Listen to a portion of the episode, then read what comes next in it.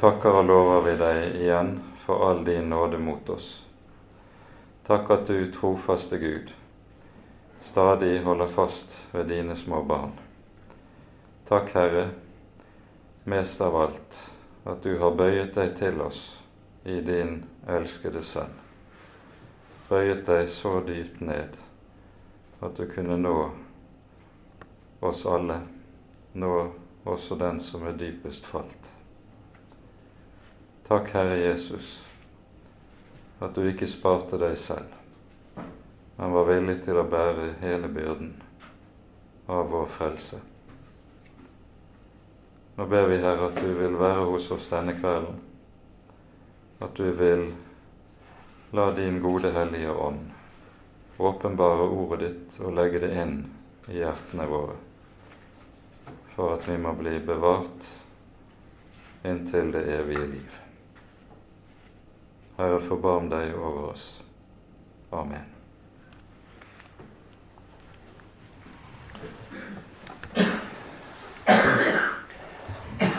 Vi sier gjerne at det som kjennetegner luthersk tro og luthersk kirkeliv, det er det som vi kaller for nådemiddelkristendom. Luthersk kristendom, det er nådemiddelkristendom. Og Når vi bruker ordet nådemiddel, så tror jeg dere vet alle sammen hva vi mener med dette begrepet.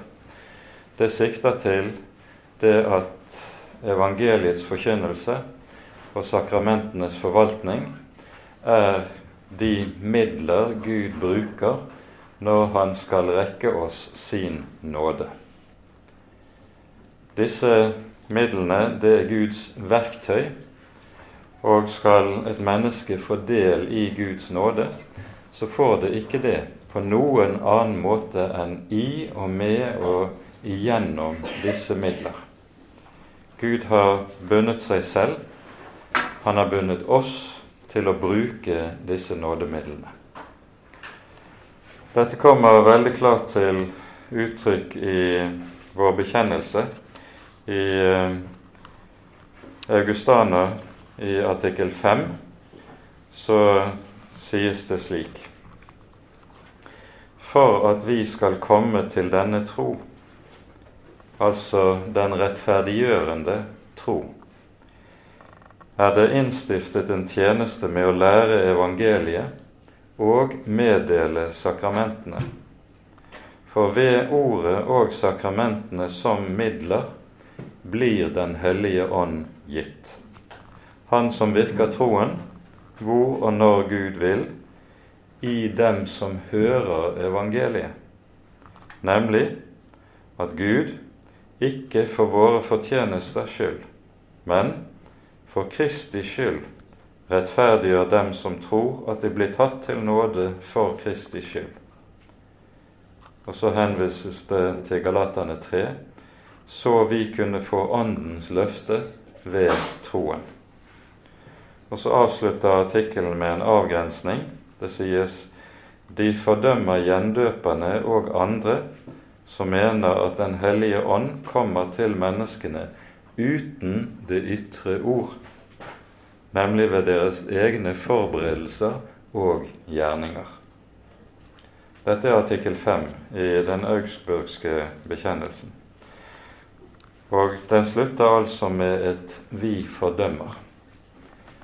Og dette, Denne sterke språkbruken den henger jo sammen med de erfaringene som reformasjonsfedrene gjorde med svermerne, eh, og som jo også hørte med til og ledet opp til bondekrigene i 1525. De så hvilke ødeleggende følger svermeriet kunne komme til å få der det fikk rom. Og så slutter det altså på denne måten som vi hører. Vi kommer til å komme tilbake til dette. Det som vi hører i denne artikkelen, det henger sammen med det, en del av det som vi har vært sammen på tidligere bibeltimer. Vi hadde en bibeltime der vi talte om spiritualismen i kirkens historie. Og det som kjennetegner lutherdommen, det er nettopp denne skarpe avvisningen av spiritualismen. Gud er skaperen, og som skaper så bruker han også det skapte som midler i sitt virke her i verden. Og når det gjelder sin gjerning til frelse, så er det altså evangeliets forkynnelse, hører vi her, og sakramentenes forvaltning.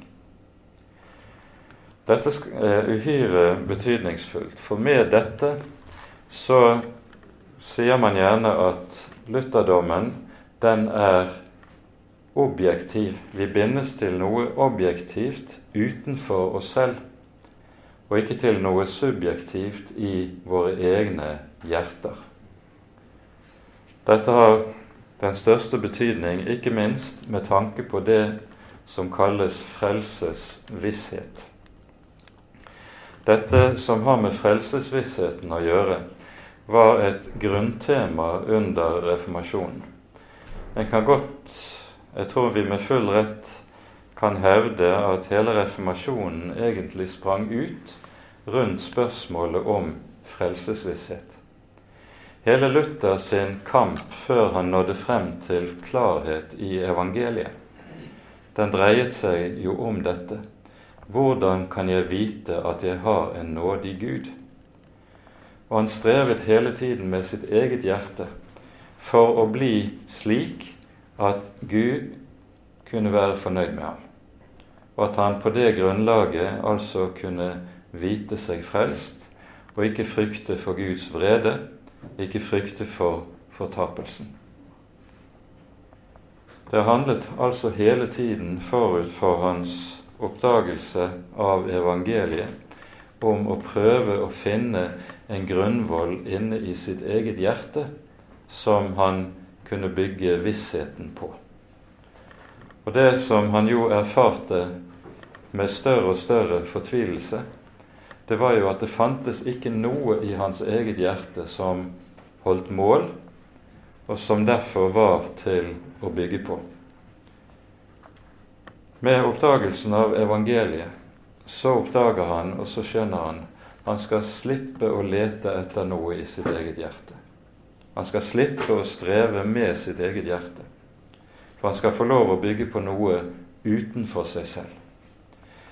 Og dette som han skal få bygge på utenpå seg selv, utenfor seg selv, det er for det første den gjerning som Gud har gjort i Kristi person, nemlig når synden sones på korset og Jesus står opp igjen til vår rettferdiggjørelse. Det er en objektiv handling som Gud har gjort. Det er altså ikke tale om noe du og jeg skal gjøre, men noe Gud har gjort objektivt, faktisk i historien. Og for det andre dette er noe som formidles og gis til oss også utenifra, gjennom midler, verktøy som Gud har innstiftet, nemlig evangeliets forkynnelse og sakramentenes forvaltning, nemlig dåpen og nadværen. Dette er de tre grunnleggende nådens midler. I Lille katekisme så hører vi også at skriftemålet listes opp som et nådemiddel. Men skriftemålet er, sånn som reformatorene forstår det, det er en spesiell anvendelse av eh, forkynnelsens virkemiddel. Der en i det private skriftemål tilsier altså med Guds ord rekker et menneske evangeliet og syndenes forlatelse. Så man har av og til eh, strides litt om er det fire nådemidler eller er det tre. Men skriftemålet skal rettelig forstås som så å si en underavdeling under forkynnelsens, evangelieforkynnelsens nådemiddel. Hva er det som gjør at man kan si at evangelieforkynnelsen er et nådemiddel? Her må vi peke på et par viktige saker i vår bibel, og som reformatorene er veldig bevisst på og veldig klar over. For det første har vi ordet i Romerbrevet kapittel 10 vers 17. Her sier, skriver apostelen troen kommer av forkynnelsen. Troen er altså ikke noe som et menneske kan få til å lage selv. Troen er ikke noe som et menneske kan bestemme seg for å få til. Nei, den er noe som kommer til et menneske utenfra gjennom et bestemt budskap, nemlig forkynnelsen. Forkynnelsen er det som skaper troen i et menneskes hjerte. For det andre så hører vi i Galaterbrevets tredje kapittel at det sies uttrykkelig der at Den hellige ånd gis gjennom forkynnelsen av evangeliet. Og Vi skal ta oss tid til å lese disse par versene fra Galaterbrevet kapittel 3.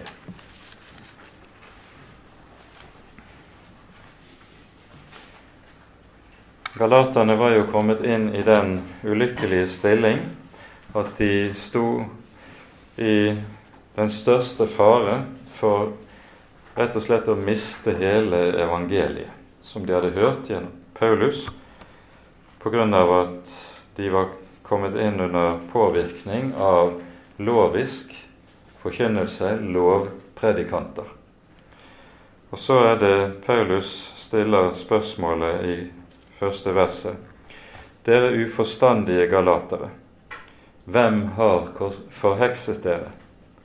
Dere har jo fått Jesus Kristus malt for øynene som korsfestet. Bare dette vil jeg få vite av dere. Var det ved lovgjerninger dere fikk Ånden, eller var det ved å høre troen forkynt? Er dere så uforstandige? Dere begynte i ånd. Vil dere nå fullende kjød? Så meget har dere opplevd forgjeves, om det da virkelig er forgjeves. Når Gud altså gir dere Ånden og gjør kraftige gjerninger iblant dere, gjør Han det ved lovgjerninger, eller gjør Han det ved at dere hører troen forkynt?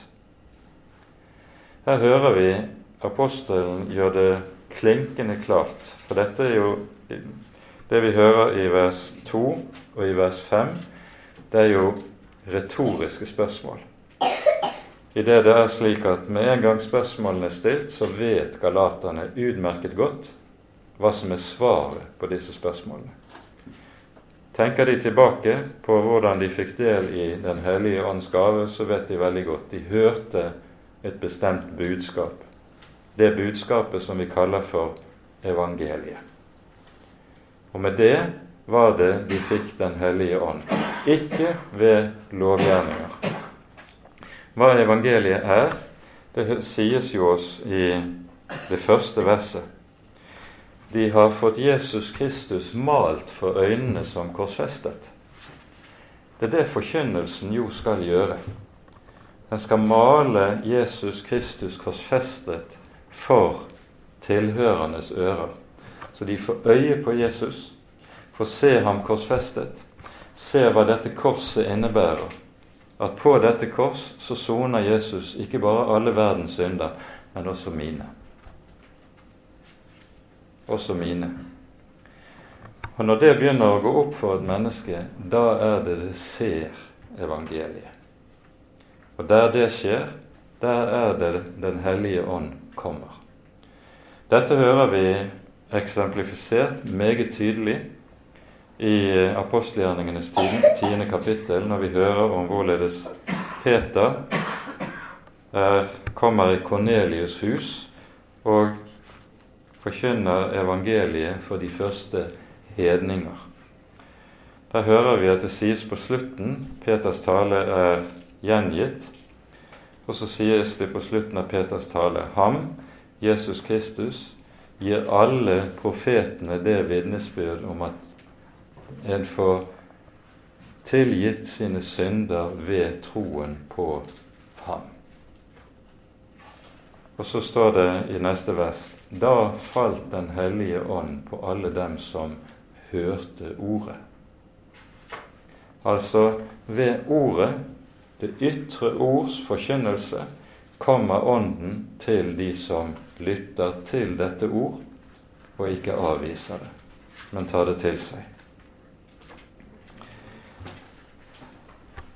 Når det her i Galaterbrevet 3 sies stille, spørsmålet stilles på, på spissen var det ved lovgjerninger dere fikk Ånden, eller ved troens forkynnelse, så er betydningen av ordet lovgjerning det er enhver gjerning som et menneske gjør, eller tror det skal gjøre, for å tilfredsstille Guds vilje.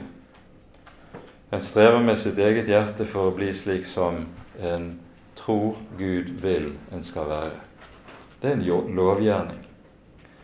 Og Dette som vi her er inne på, det er noe en møter meget hyppig i dag innenfor store deler av det vi kaller for den karismatiske bevegelse. Der får du oppskrifter på hva du skal gjøre for at du skal få Den hellige ånd, eller for at du skal få mer av Den hellige ånd. Du skal gjøre ditt og datt, du må ha full overgivelse.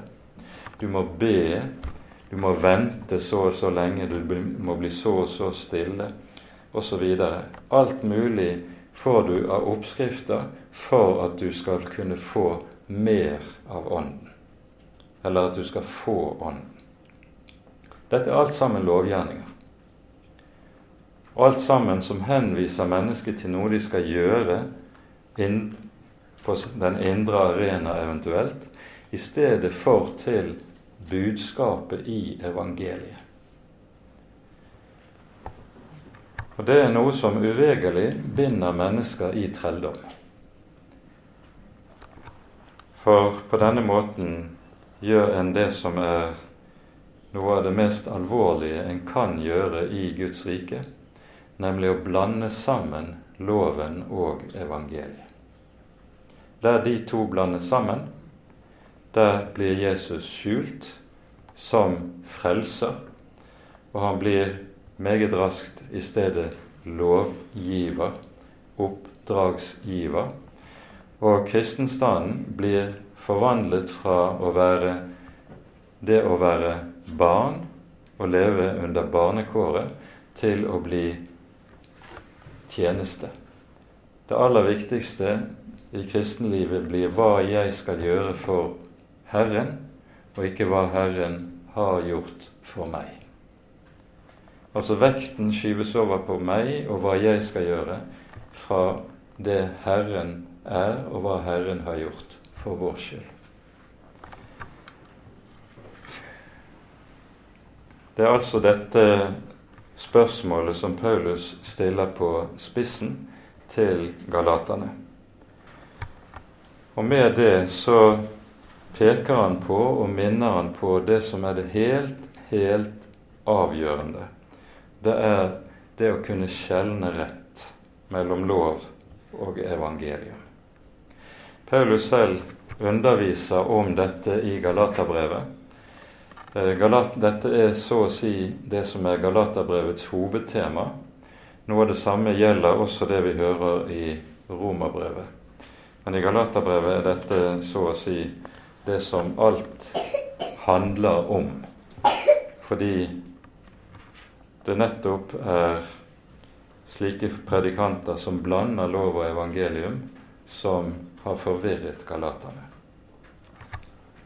Når det gjelder forskjellen på lov og evangelium, så har vi et uhyre viktig tekstavsnitt i 2. Korinterbrevs 3. kapittel. Og vi tar oss tid til å lese litt derfra.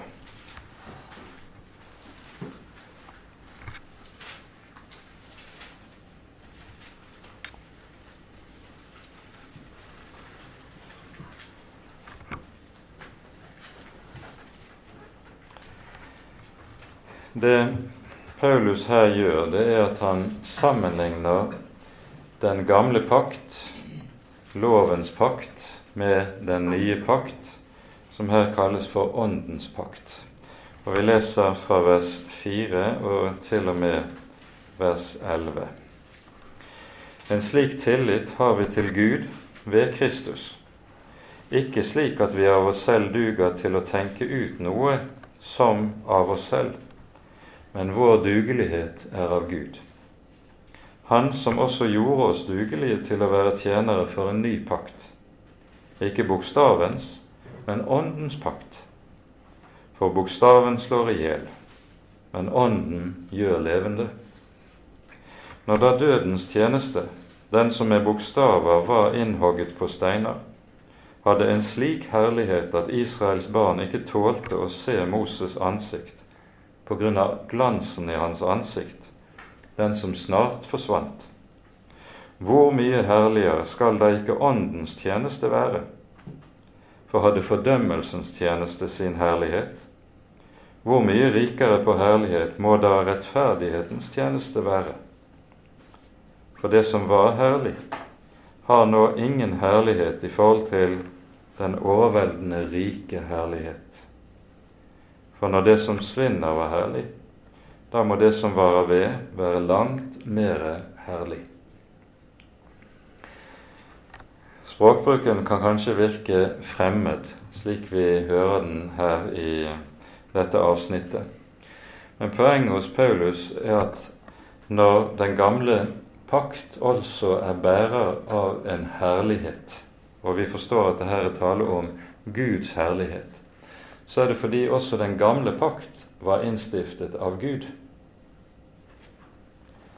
Men den nye pakt har en annen herlighet som er meget større og meget rikere. Og Det henger sammen med den forskjell på lov og evangelium som ligger bakt inn i disse to pakter. Forskjellen på disse to er at lovens gjerning og evangeliets gjerning er stikk motsatt.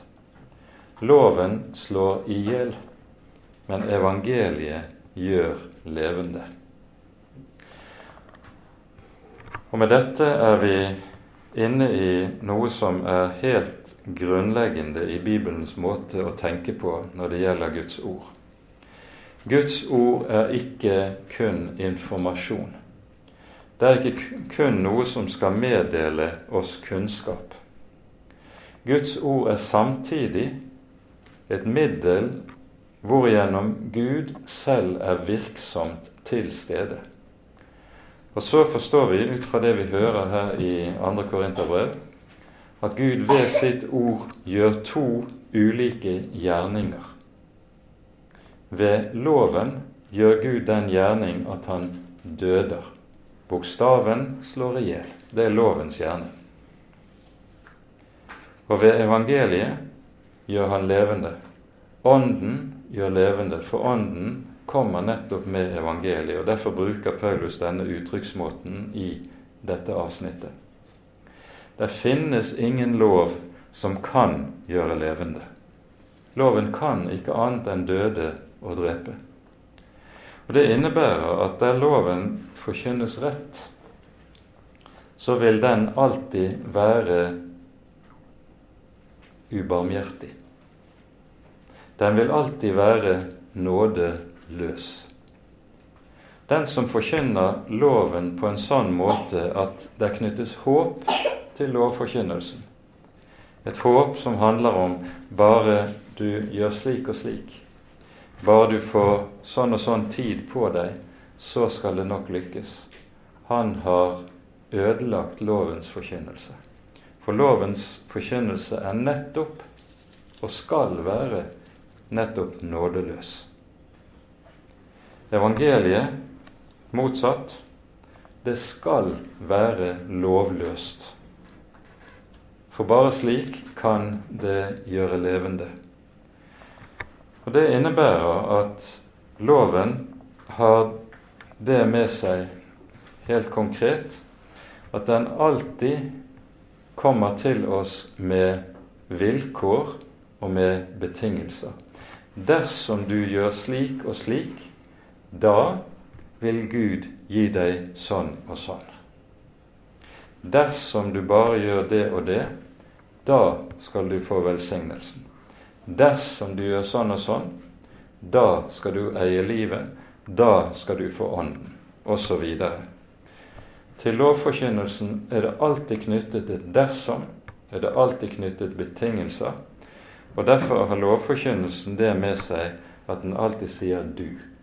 Dersom du gjør. Evangelieforkynnelsen, dersom den er rett, den har ingen vilkår knyttet til seg. For der evangeliet forkynnes rett, der tales det ikke om hva du og jeg skal gjøre. Men i stedet pekes det på den Herre Jesus og sier hva Han har gjort. Og forkynner for oss at Han har oppfylt alle betingelser for at du skal få eie livet, for at du skal få lov til å få del i Guds velsignelse, ja, også for at du skal få del i Åndens gave. Og Dette sies uttrykkelig i Galaterbrevet 3. kapittel i det 14. verset, der det første taler om han ble en forbannelse for oss, fordi det står skrevet 'forbannet er hver den som henger på et tre' for at vi skulle få del i Abrahams velsignelse og for Ånden som var oss lovt. Altså, det er hva Jesus har gjort, som er betingelsen for at Ånden skal gis. Ikke hva du og jeg kan måtte finne på av fromme gjerninger. Eller inderlighet, eller hengivelse, eller overgivelse, eller hva man nå kaller det for de mange ulike forslag som man av og til får høre.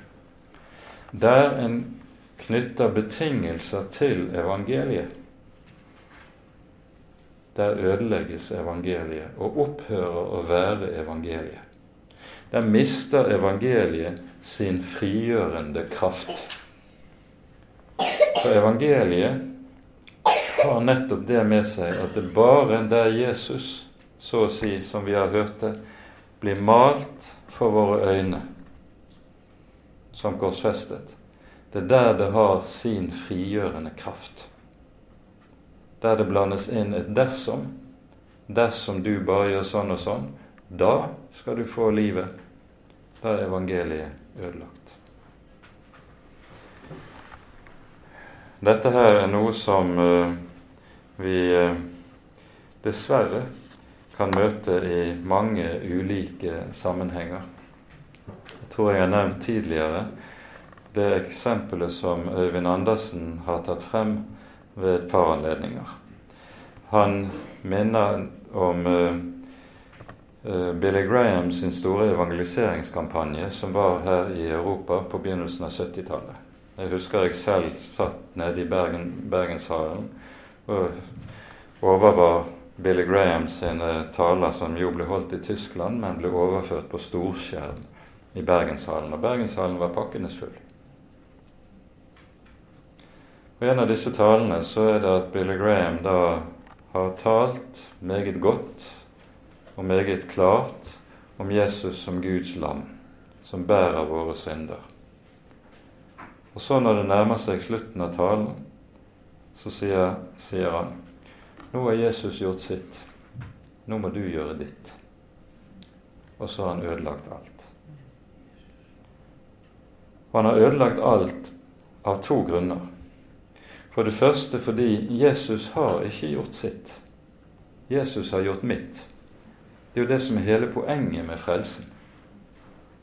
Og for det andre Når det sies på en sånn måte, så sier, sies det at selve frelsestilegnelsen er betinget av noe som du og jeg må gjøre.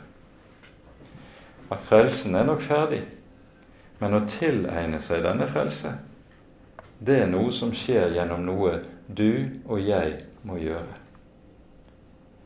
Men her er nettopp poenget med at evangeliet er et nådemiddel.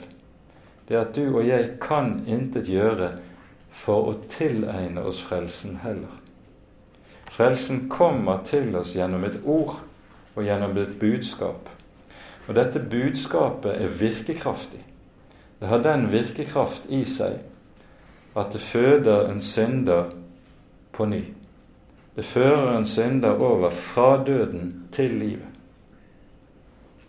Det er virkekraften som ligger i evangeliet. Derfor sier også Paulus i Romerbrevets innledning, når han taler om hva evangeliet er Evangeliet er en Guds kraft til frelse for hver den som tror. Evangeliet er et bestemt budskap, og i dette budskapet ligger Guds egen kraft. Den ligger ikke i vår hånd. Den ligger ikke i vår vilje. Den ligger ikke i våre hjerter. Men den ligger i et budskap. Og Gud har henvist oss til nettopp å høre dette ord for at vi skal bli frelst. Denne evangeliets virkekraft, den er altså slik at Gud ved det virkemiddel som ordet er, gjør sin gjerning i oss, føder oss på ny, og så bevarer han oss ved det samme virkemiddel. I brevet til eh, Vi hører første brevet til menigheten i Tessaloniki.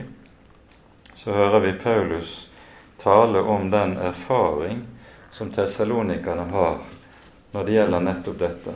Det sies i det andre kapittelet i vers 13 slik Paulus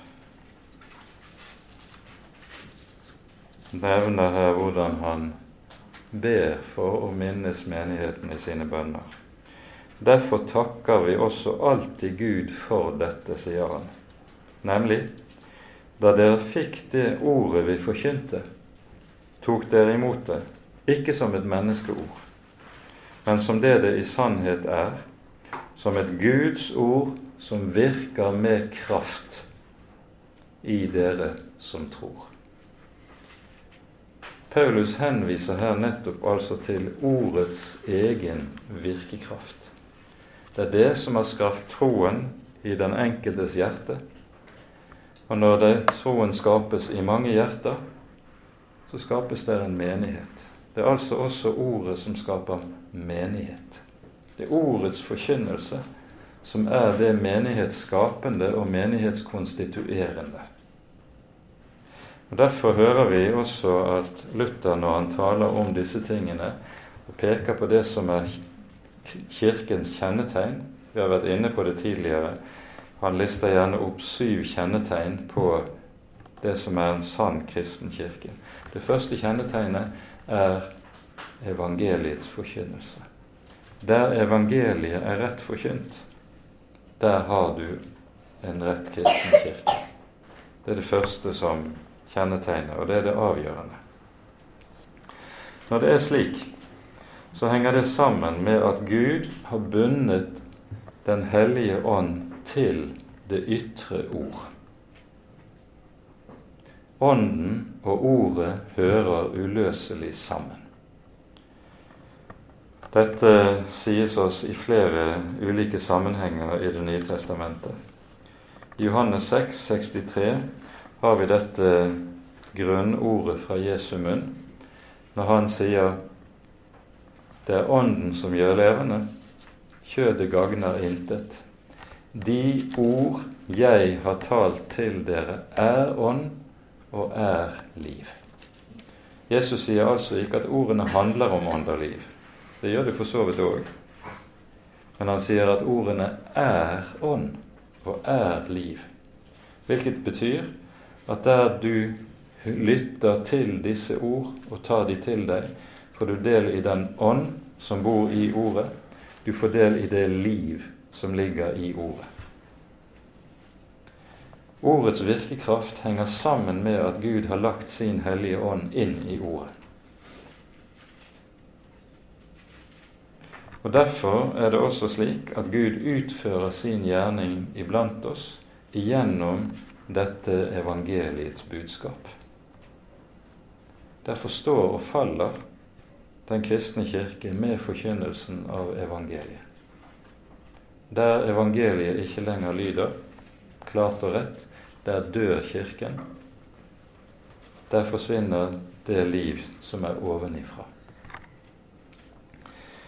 I eh, talen om Guds fulle rustning, som vi hører i Feserbrevets kapittel 6, så sier, kaller apostelen Paulus dette ord for Åndens sverd.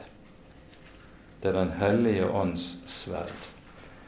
Og et sverd er ingen død ting. Et sverd er en skarp og farlig sak. Og slik er evangeliet også noe som er farlig. I Hebrevbrevets fjerde kapittel hører vi at Guds ord er levende og virkekraftig og skarpere enn noe tveegget sverd. Og når vi hører Paulus tale om Den hellige skrift i 2. Timotius brev, så hører vi han tale om Skriften, altså Skriftens helt bestemte budskap, og sier den hele Skrift er innåndet av Gud. Altså Gud har blåst Den hellige ånd inn i Ordet. Paulus bruker et uttrykk som svarer til det vi hører i forbindelse med skapelsen av Adam i Første Moseboks andre kapittel. Etter at Gud har formet Adam av jordens støv, så står det han blåste livets ånde inn i hans nedelse, og Adam ble til en levende sjel. På tilsvarende måte har Gud blåst sin hellige ånd inn i Ordet, slik at det er blitt et levende ord, et virkekraftig ord. Et ord gjennom hvilket Gud utfører sine gjerninger i og med våre liv. Det er poenget. Derfor sies det også hva dette ord er nyttig til i 2. Timotius brevs 3. kapittel. Hele Skriften er innåndet av Gud og er derfor nyttig til hva? Til lærdom. Ja, ordet formidler kunnskap, og det formidler visdom, åndelig visdom. Til overbevisning. Altså det er den overbevisning som vi med rette kan kalle frelsesvisshet. Til rettledning, til opptuktelse i rettferdighet. Altså det er den åndens oppdragelse som skjer i et kristent menneskes liv, og som vi kaller for helliggjørelse. Og så kommer det i vers 17 for at det Guds menneske kan være fullkomment satt i stand til god gjerning. Dette er det evangeliets forkynnelse gjør i et menneskes liv og i et menneskes hjerte. Evangeliet er altså ikke et tomt ord. Det er et ord gjennom hvilket Gud handler og utfører sine gjerninger. Det er dette som er bakgrunnen for at Jesus, når han taler om Guds rikes hemmelighet, så bruker han bildet av såkorn. Hva er det såmannen sår ut på marken? Ikke småstein, ikke singel, for det er dødt. Det kan ikke bli noe liv. Men han skal så ut et såkorn. Så hører vi lignelsen i Markusevangeliets fjerde kapittel der det sies fra vers 26 slik. Med Guds rike er det som når en mann kaster såkornet i jorden. Han sover og står opp, natt og dag, og kornet spirer og vokser seg høyt. Hvordan det går til, vet han ikke. Av seg selv bærer jorden grøde. Først strå, så aks, så fullmodent korn i akset. Men når grøden er moden, sender han straks sigden ut, for høsten er kommet. Dette er altså det som uh, Guds ord gjør. Og så forstår vi hvorfor uh, evangeliet kalles for et nådemiddel. I parentes må vi da også gjøre klart at vår bibel inneholder to ord. Bibelen inneholder både lov og evangelium. Gud utfører altså en gjerning med begge disse to, både med loven og med evangeliet. En dødende gjerning med loven, en levendegjørende med evangeliet. Men det er bare evangeliet i Bibelen som er å betrakte som nådemiddel. Lovforkynnelsen er ikke et nådemiddel. Det for, må sies for klarhetens skyld. Nå er det da sånn at med dette så lærer Bibelen oss at Gud er nærværende i dette ord. I våre dager så kan du høre en sterk opptatthet i en del sammenhenger av det å skulle oppleve Guds nærvær. Og en opplever dette Guds nærvær ofte gjennom musikk og lovsang. Det ser ut til i mange sammenhenger at det som kalles lovsang, eller denne lovsangskulturen som har vokst frem de siste 20 årene, det får rollen som nådemiddel. Og Der lovsangen blir tydelig og sterk, så opplever man Guds nærvær. Guds nærvær er sterkt, kan en høre at mennesker opplever det som det er å gjøre Guds nærvær avhengig av lovgjerninger, noe vi gjør. For lovsang er jo nettopp noe vi gjør. Det er ikke noe Gud gjør. Det er ikke evangeliet, det er loven. Og mennesker kan nok få mange slags opplevelser under loven som de tror er av Gud, men det er ikke av Gud. Mennesker kan nok få opplevelser av nærvær, men det er ikke et nærvær av Kristi person. Kristus er nærværende der evangeliet forkynnes rett. Og han kommer i og med det ytre ordets forkynnelse. Ikke på noen annen måte. Og det at den Herre Jesus Kristus er nærværende i dette ord, det er også årsaken til at det er dette ord som konstituerer det vi kaller for sakramentene. Det at Jesus har innstiftet med tydelige ytre ord den hellige nattvær, som gjør at nadværen er nadvær. Og Derfor leser vi Kristi innstiftelses ord alltid når vi har nadværen, fordi dette ord det er et løfte som Jesus har gitt, og som altså er et virkekraftig ord. Så når vi tar dette til oss, så kommer han til oss i brødet og vinen slik han har sagt. Dette er mitt legeme, dette er mitt blod, som utgytes for dere til syndenes forlatelse. Ordet konstituerer også nadværen. Ordet konstituerer også den hellige dåp. Uten Ordet og uten Kristi innstiftelse, sier Luther i Lille katekisme, så er vannet bare vann. Da vil ikke det ha noen som helst effekt.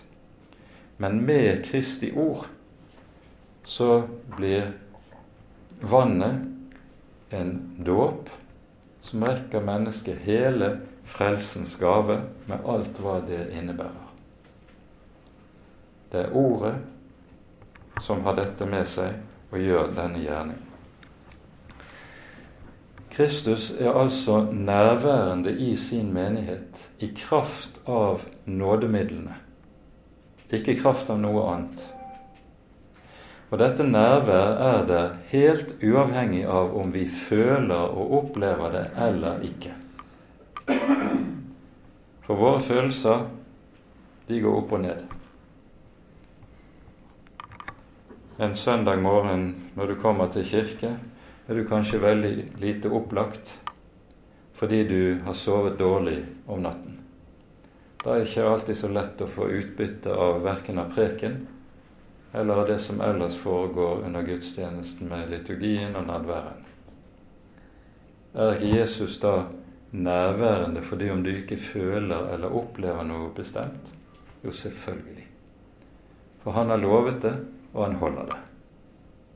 Han er like nærværende uavhengig av hva du føler subjektivt eller opplever. En annen måte å tale på i våre dager, det er at Den hellige ånd kommer til oss gjennom særlig åndsbegavede personligheter. Vi har store slike såkalte apostler som reiser omkring i verden i dag. Bare du kan komme i berøring med disse, da skal du i hvert fall få en gnist av Ånden. Slik taler ikke Den hellige Skrift. Jesus har gitt oss Ordet. Han har gitt oss evangeliet. Der det lyder klart og rent, der er Han til stede. Der er Hans ånd til stede. Og så skal vi få lov til å ta til oss dette ord i evangeliet. Derfor sier også bekjennelsen i de smalkaldiske artikler så sier, sies det Gud gir ikke Ånden eller troen til noen uten det forutgående ytre ord. Det er et lydelig ord, det er et lydelig budskap, og gjennom dette budskap er det at han kommer til oss og gjør sin gjerning med oss. Det i eh, noe som kalles for Schwabacher-artiklene, som er en bekjennelse som ble, ble utformet et par år før den augsburgske bekjennelsen ble utformet, og som er noe av så å si forbildet på, eller malen til eh, den augsburgske bekjennelsen. Der sies det det muntlige ord er eneste vei til tro. Vi henvises altså hele tiden til noe som er utenfor oss selv ikke til og som kommer til oss utenfra. Ordet kommer utenfra, inn i øret, og der troen skapes, går den fra øret og til hjertet. Og slik blir ordet livgivende. Når det er slik, så henger det sammen med den rolle synden har fått i menneskets liv i menneskets natur etter fallet. Synden er slik at alle sider av vårt personlighetsliv er underlagt syndens herredømme. Det er ikke bare følelseslivet, at jeg har lyster som er syndige. Men også alle andre sider ved personlighetslivet er underlagt syndens herredømme. Det gjelder tanken vår, og det gjelder viljen vår. Og Derfor kan ikke frelsen komme fra noe i våre egne hjerter. Derfor sier Paulus i 1. Korinterbrev 2 evangeliet er hva øret ikke har hørt, hva øyet ikke har sett, og hva ikke er oppkommet i noe menneskes hjerte. Det er altså noe som kommer til oss utenfra gjennom et bestemt budskap. Mennesket kan ikke tenke seg frem til evangeliet. For på, nettopp pga. fallet så er evangeliet noe som er oss dypest sett fremmed. Evangeliet noe som nettopp pga. fallet vekker anstøt i oss, pga. at det ikke faller oss naturlig å tenke slik. Men evangeliet, det er altså det som gis oss utenfra i dette helt konkrete budskap. Dette innebærer jo da også at når evangeliet på denne måten er nådemiddel, så blir den troende menighet en menighet som lever på og i kraft av disse nådens midler. Vi samles om nådens midler, og det er dette som gir oss livet.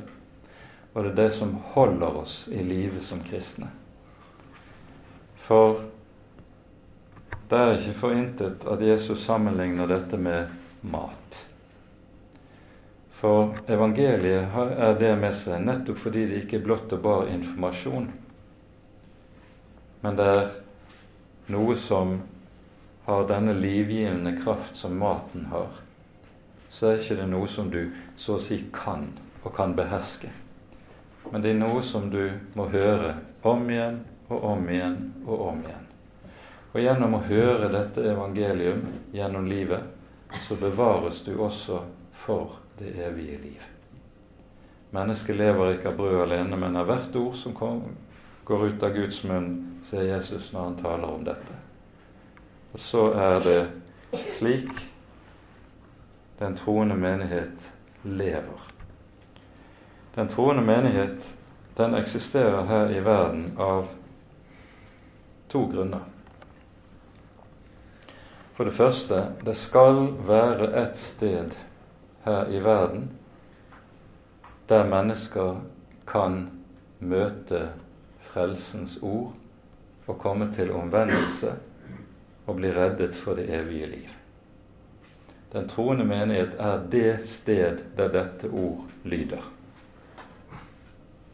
Og for det andre menigheten menighetens eksistens har sin grunn i at de som er kommet til tro, de skal bli bevart for det evige liv.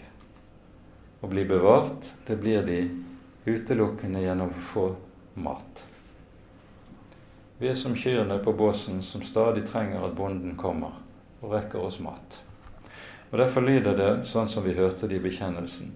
For at vi skal komme til denne tro, er det innstiftet en tjeneste med å lære evangeliet og forvalte sakramentene. Disse uttrykkes i passiv er det innstiftet en tjeneste. Hvem er det som er innstiftet? Det er Gud. Gud har innstiftet dette, denne tjeneste, dette som en ordning her i verden, at ved disse midler at de forvaltes i Hans menighet slik som Han har gitt oss dem. Slik blir vi også frelst og bevart for det evige liv. Så forstår vi Luthers kristendom er nådemiddelkristendom. Vi er de som er kjennetegnet av det grunnleggende at vi vet oss avhengige av disse nådens midler. Det er det vi lever på og av. Vi lever ikke på vår egen fromhet, vår egen overgivelse, vår egen opplevelse av rørelse eller nærvær, eller hva det nå måtte være. Vi lever av at evangeliet stadig rekkes oss på ny.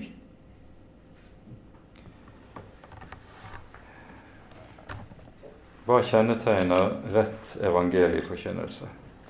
Det er mye å si om akkurat det, men jeg vil peke på tre saker. For det første rett evangelieforkynnelse taler om Jesus korsfestet til soning for våre synder. Rett evangelieforkynnelse er ordet om korset. Det er det første som kjennetegner rett evangelieforkynnelse. Og på dette grunnlag rekkes syndenes forlatelse. I Hebreabrevets 9. kapittel så sies det uten at blod blir utgitt, skjer der ikke forlatelse for synd. Og Det er altså tale om hvordan Kristi blod ble utgitt på korset til soning for våre synder. Evangeliet bærer altså i seg dette objektivet. Det er en som døde for meg. Det andre som kjennetegner rett evangelieforkynnelse, det er at det lyder et 'for intet'. Det er ikke knyttet betingelser til å få lov til å ta del i evangeliet. For intet rekker han deg syndenes forlatelse. Ikke på betingelse av en eller annen lovgjerning som du skal oppfylle. Det tredje som kan nevnes, er det at ja, det tales om de køste. Luther bruker dette uttrykket som betyr omkostningene. Nemlig hvilke omkostninger det hadde for Guds sønn det å bringe deg og meg frelsen. Vi får det for intet, men det kostet Guds sønn alt. Det hører også sammen med en rett evangelieforkynnelse. Og så for de som hører evangeliet forkynt, så handler det om én ting, og det er det Luther kaller den rette anvendelse av det personlige pronomen. Nemlig å vite 'dette er for meg'. Han sier 'Hva hjelper det meg om jeg tror at Jesus døde for alle verdens synder', hvis jeg ikke kan si at han døde for mine. At dette var for meg. Det er troen. Når troen møter evangeliet, så sier den 'Dette var for meg'. Takk, Herre Jesus. Og dette skal vi på ny og på ny få lov til å minnes om. Og så blir kilden til alt kristent liv Det blir takknemligheten over dette at jeg vet det var for meg. For meg Guds sønn var villig til å ofre så usigelig mye. Så sank du i vår jammer ned, så dypt som ingen, ingen vet, synger vi en salme. Og det er dette som evangeliet rekker oss. Ære være Faderen og Sønnen og Den hellige ånd som var og er og være skal, en sann Gud, høylovet i evighet. Amen.